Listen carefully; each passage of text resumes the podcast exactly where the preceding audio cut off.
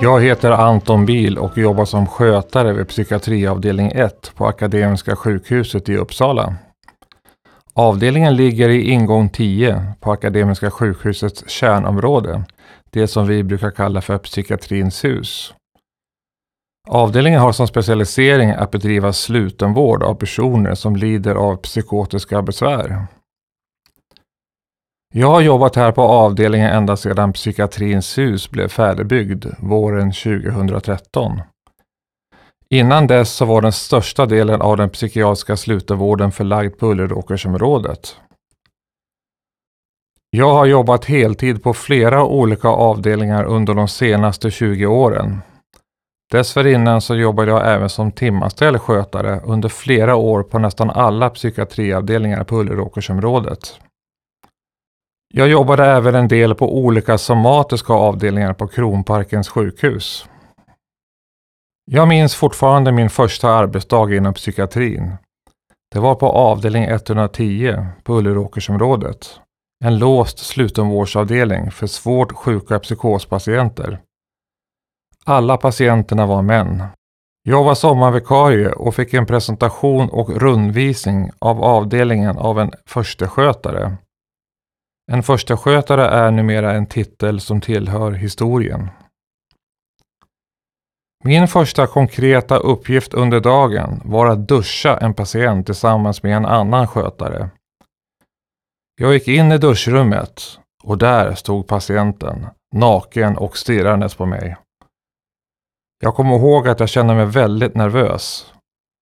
Den andra skötaren gick iväg för att hämta en duschhandduk och där stod jag ensam i duschrummet med den storväxta patienten. Han fortsatte att stirra på mig och började plötsligt att skratta högt. Ha, ha, ha, ha. Jag minns att jag tyckte att det var ett väldigt överdrivet skratt. Ett skratt som möjligen uttrycktes av den anledningen att han såg hur rädd, vilsen och osäker jag såg ut. Det gick i alla fall bra att duscha patienten. Han verkade inte alls vara farlig. Han hade däremot svårigheter med olika saker, bland annat med att sköta sin hygien. Det här var närmare 30 år sedan. Att jobba som skötare idag på en slutenvårdsavdelning kan periodvis vara ett väldigt slitsamt och mentalt krävande arbete. Man kan beskriva det som att man arbetar som en slags vägledare, stödperson och medmänniska. Patienterna på vår avdelning är ofta psykotiska. Det betyder att de har en förvrängd verklighetsuppfattning som kan vara ytterst verklig för dem. De kan ha vanföreställningar, lida av paranoia, höra röster som inte finns i verkligheten. Detta tillstånd kräver att man har trygga personer omkring dem som ökar deras känsla av trygghet och som hjälper dem att hålla sig i verkligheten. Att jobba som skötare inom slutenvården kräver bland annat att du har ett gott självförtroende, att du är intresserad av människor och att du har en bred kunskap om psykiatriska sjukdomar, om de vanligaste somatiska sjukdomarna, om sjukdomssymptom, om omvårdnad och kunskaper om en del mediciner och dess biverkningar. Det är också viktigt att du har en god empatisk förmåga en förmåga att sätta gränser och en förmåga att avläsa kroppsspråk och att vara en god lyssnare. En del kunskaper om de vanligaste undersökningarna, behandlingarna och om hur du utför en del provtagningar är också bra att ha. När jag träffar en ny främmande patient så brukar jag inte tänka så mycket på att det är en patient jag ska träffa utan bara att det är en ny människa som jag inte tidigare har träffat. Sedan försöker jag förbereda mig lite mentalt på att patienten kan komma att uttrycka sig och bete sig på ett avvikande sätt.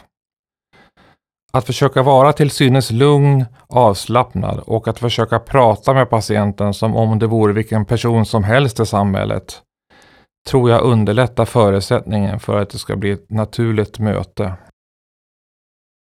Okej, okay. hur kan då en vanlig arbetsdag se ut för mig? Idag är det fredag. Jag trampar snabbt iväg på min cykel från Luthagen. längs cykelvägen som går längs Ekonomikums byggnad och sedan förbi Stadskyrkogården och därefter Carolina Rediviva. Min puls ökar och jag tänker att jag aldrig kan åka iväg i tid. Jag är helt hopplös. Nu får jag ännu en gång cykla fortare än tåget för att kunna komma i tid. När jag kommer till slottet så susar jag ner för backen mot psykiatrins hus. Jag går in genom huvudingången och in till omklädningsrummet där jag snabbt byter om till mina vita arbetskläder. Jag tar sedan hissen upp till avdelningen och springer in på expeditionen. Där sitter mina kollegor och väntar på att få en rapport. Inflåsande som ett lokomotiv rusar jag till köket och tar mig en kopp kaffe. Rusar sedan tillbaks till receptionen och njuter av det som jag brukar kalla för själens dryck. Kaffe. En av sjuksköterskorna börjar med rapporten. Det visar sig ha varit en ganska lugn natt. Alla patienterna utom två har sovit bra. Jag ser en patient gå fram och tillbaka utanför expeditionsfönstret. Kroppsspråket antyder att patienten är ångestladdad och rastlös.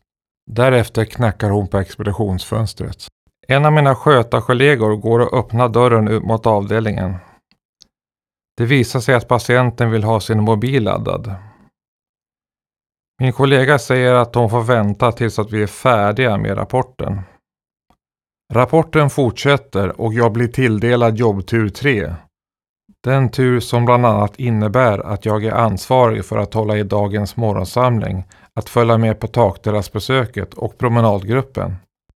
Jag får även i uppgift att ta några blodsockerprover på en patient som har diabetes. Det ska göras före varje måltid. Eftersom att det är fredag så utbrister en av våra biträdande chefer. Ja, så som man brukar göra. Idag blir det väl musikgrupp Anton? Mina skötarkollegor får de andra två turerna.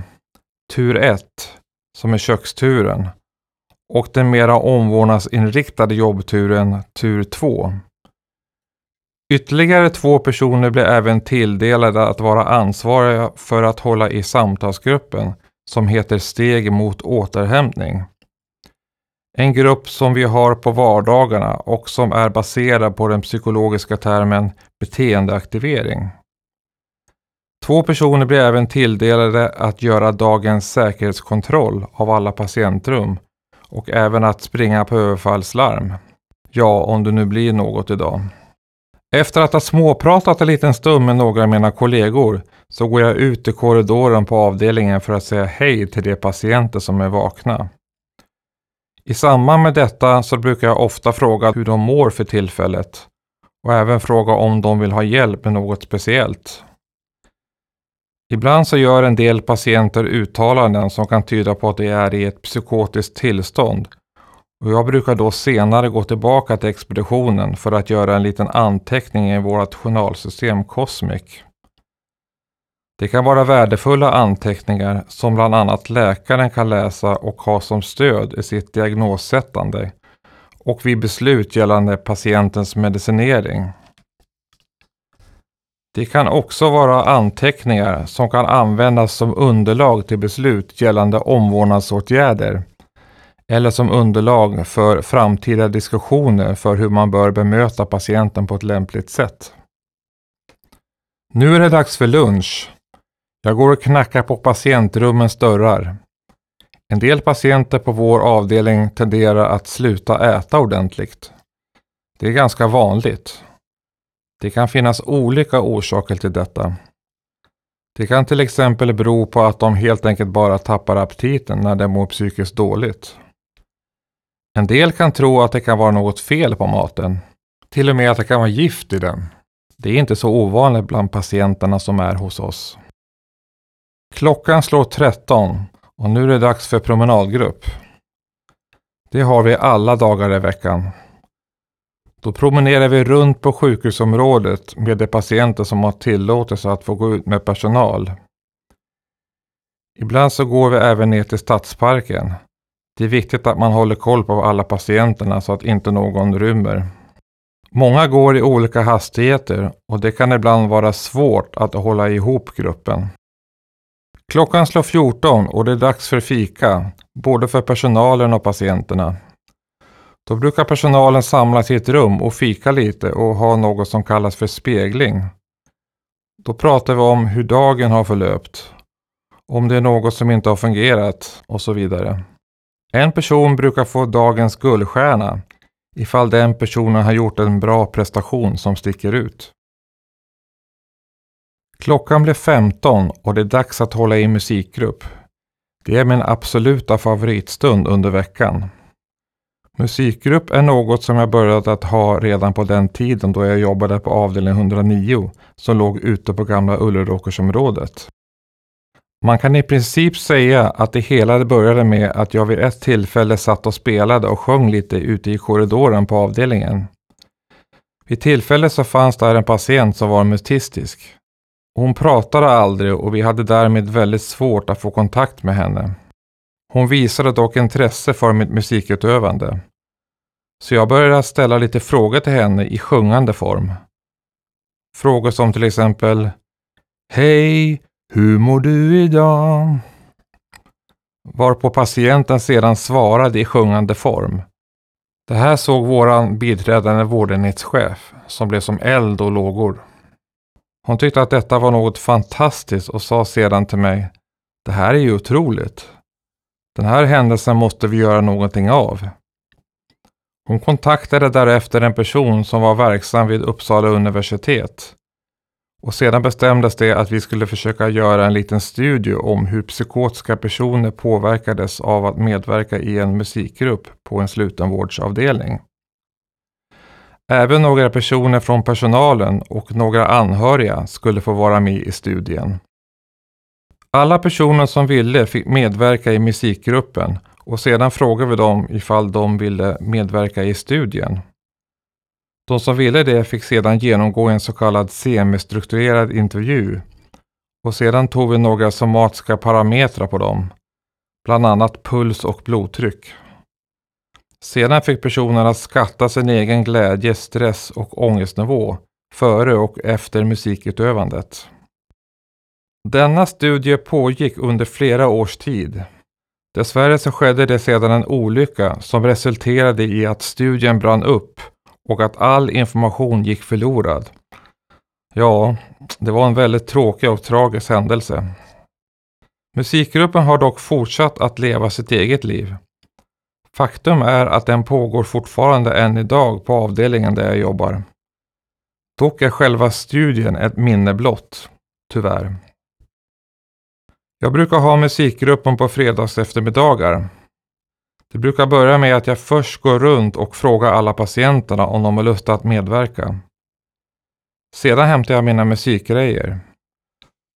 De består av avdelningens gitarr, en massa pärmar med låttexter och ett par bongotrummor, maracas och tamburin. Jag tycker att det ska vara ganska enkelt och inte för avancerat då jag anser att gemenskapen och glädjen ska vara det dominerande inslaget i gruppen. Inte den tekniska och den konstnärliga kvaliteten på musikutövandet.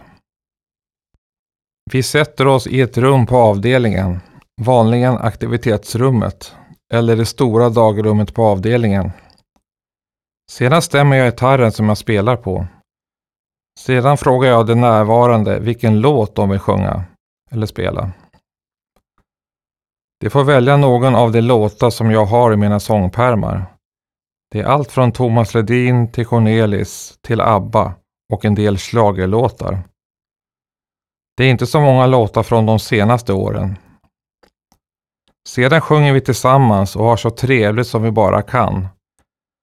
De patienter som inte vill sjunga kan bara sitta och lyssna eller kanske bara spela lite på trummorna eller någon av de andra rytminstrumenten. Vi brukar hålla på i ungefär en timme. Jag brukar oftast gå ifrån musikgruppen med ett leende på läpparna. Det tror jag även att många av våra patienter gör. Tack för att ni har lyssnat.